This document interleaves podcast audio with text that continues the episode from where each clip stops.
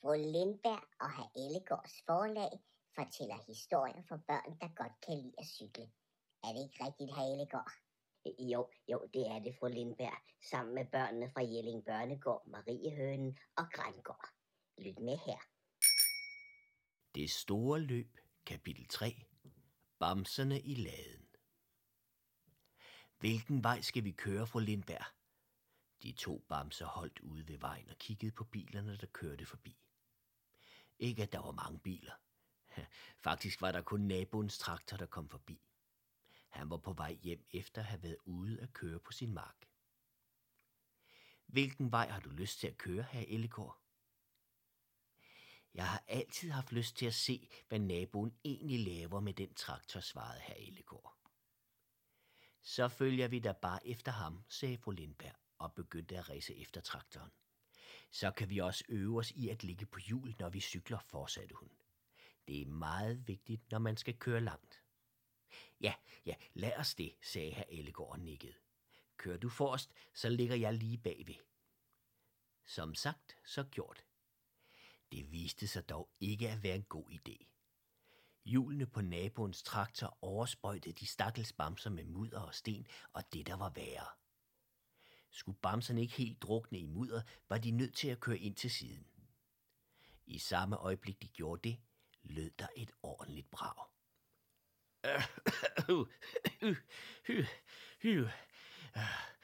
De, de to bamser hostede og spyttede. Hvad var det for en lyd, udbrød fru Lindberg med mudder i hele ansigtet. Hvad siger du, svarede herr Ellegård også med mudder i sit ansigt. Øh, jeg sagde, øh, øh, hvad var det for en lyd, prøvede fru Lindberg igen. Jeg kan stadig ikke høre, hvad du siger, svarede herr Ellegård. Du har mudder i øret, sagde fru Lindberg og pegede grinende på Ellegårds ene øre. For han havde ganske rigtig mudder i øret. Faktisk i dem begge. Og da det gik op for ham, skyndte han sig at rense ørerne med den ene finger, der ikke var søllet til i mudder. Der lød et mærkeligt brag, her Ellegård. Øh, øh, tror du, øh, fortsatte fru Lindberg. Vi må hellere kigge efter, afbrød herr Ellegård og kigge ned på sin cykel. Bortset fra mudder, så den ud til at være i fin stand. Hvad, hvad, hvad med din cykel, fortsatte han og pegede på fru Lindbergs cykel. Fru Lindberg kiggede ned på sin cykel, og, og ganske rigtigt. Det, der bare ikke måtte ske, var sket. Dækket på hendes forhjul var punkteret. Åh, hvad, hvad, hvad gør vi nu, sukkede fru Lindberg og kiggede over på Halegård. Øh, har, har vi en cykelpumpe og noget lappegrej, spurgte Halegård. Øh, det tror jeg ikke, svarede fru Lindberg med endnu et suk. Øh, så må vi finde noget, fru Lindberg. Vi holder lige uden for naboens gård. Skal vi ikke lige liste ind og se, om de har noget? Jeg har altid gerne vil se, hvordan de bor. Jo, øh, lad os det her, Ellegård, svarede fru Lindberg stadig lidt slukket. Og, og så trak de to bamser deres cykler ind på naboens gård, stillede dem op af en gammel vandpumpe og kiggede sig omkring. Det var en stor gård, og der var mange steder, man kunne lede. Hvad med inde i laden, spurgte fru Lindberg og pegede over mod den ene længe af gården. Der var en stor port ind til laden, og de to bamser fik med besvær mest porten op og nærmest væltede indenfor, for derefter at lande i noget gammelt hø. Bag ved dem smækkede porten i med et brag. Og der var helt mørkt og stille i laden. Det eneste, man kunne høre, var en lille mus, der puslede i et hjørne. Her er godt nok mørkt. Her, her, her finder vi vist aldrig en cykelpumpe, mumlede fru Lindberg. Det, det kan være, at vi kan tænde lyset et sted, svarede herr Ellegård tilbage og, og begyndte at famle sig frem i mørket. Der, der må være en lyskontakt ved porten, fortsatte han, mens han gik i retning af lidt lys, der sne sig ind udefra.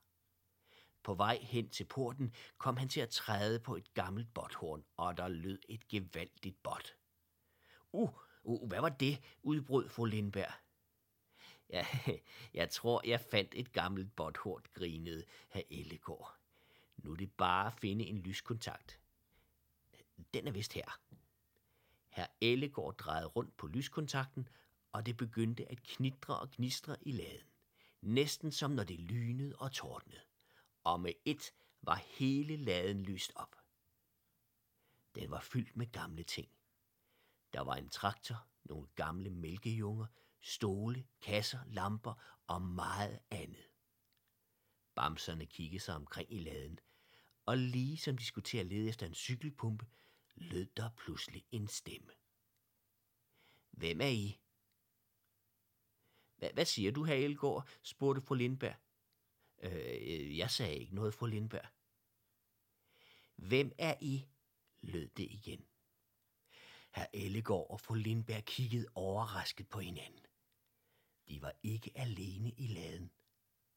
Nærmest samtidig drejede de to bamser rundt og kiggede i retningen af stemmen. På en gammel kommode i laden sad fire bamser og kiggede over på fru Lindberg og herr Ellegård. Åh, og, og hvem er I? udbrød herr Ellegård og fru Lindberg med et sæt. Ja, ja, vi spurgte egentlig først, men, uh, men vi er, uh, er Elsa, Eddie, Blomst og Anna, svarede den ene af bamserne. Øh, det er mig, der er Elsa. Elsa var et bamsefor, mens Blomst var en bamsebjørn, Eddie en bamseulv og Anne en bamsekanin. Øh, øh, jeg hedder fru Lindberg, og det er min bedste ven, her Ellegård. Vi er cykelbamser og, og, og på vej til et stort cykelløb i Frankrig. Øh, øh, ja, ja, og så vil vi også besøge vores fætter, Monsieur Paul. Hvad laver I så her, spurgte Blomst. Øh, øh, vi punkterede lige uden for gården og, og ville se, om I har en cykelpumpe og noget lappegrej, svarede fru Lindberg. Øh, det, det har vi, øh, og vi kan godt hjælpe med at lappe cyklen, svarede Eddie. Anna er den bedste bamse til at reparere cykler. Ja, faktisk kan vi også godt lide at cykle, men, men det er længe siden, vi har gjort det. Må, måske er det held i uheld, at vi punkterede grinet, her Øh, vi, vi er ude og lede efter nogen, der gerne vil være med på vores cykelhold. Det vil vi gerne, udbrød de fire bamser i kor. Vi, vi keder os så ganske forfærdeligt her i laden, forklarede Elsa. Der er aldrig nogen, der vil lege med os mere – da børnene på gården flyttede hjemmefra, blev vi pludselig sat herud i laden sammen med alle de andre ting, de ikke bruger mere. Det kender vi kun alt for godt, svarede herr Ellegård. Vi har siddet på et gammelt legeværelse i mange år, uden at nogen tog sig tid til at lege med os. Men nu skal det være slut, fortsatte fru Lindberg. Vi skal med i de store løb, og I skal med på vores hold. Så må vi hellere få lappet jeres cykler, udbrød Eddie. Anna, vil du tage dig af det? Det vil jeg, svarede Anna, og det kan være, at vi også lige skal kigge på vores egne cykler. Og så begyndte de fire bamser fra laden ellers at finde deres cykler frem fra de mange bunker af støvede gamle ting. Anna fik lappet dem alle sammen, og til sidst blev alle cyklerne vasket og smurt.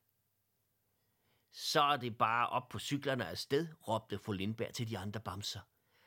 Og så hoppede alle op på deres cykler og kørte ud af gårdspladsen i retning af Frankrig, og Champs-Élysées. Det var det kapitel. Ja, det var det, men øh, der er heldigvis et kapitel mere. Man skal bare trykke videre på sin lyttedems. Ja, ja, ja, det er nemlig rigtigt. Og au, fik vi, fik vi nævnt, at øh, det store løb er produceret af børne- og ungeforvaltning og dagtilbud i Vejle Kommune, sammen med Usal Jelling og, og Historielab, og, og sammen med Marie Høn og Grandgård og, og, og, og Jelling Børnegård, ja, ja, og så lige Venløst Radioteater også. Øh, au ja, det var vi lige ved at glemme. Nå, nu er det sagt.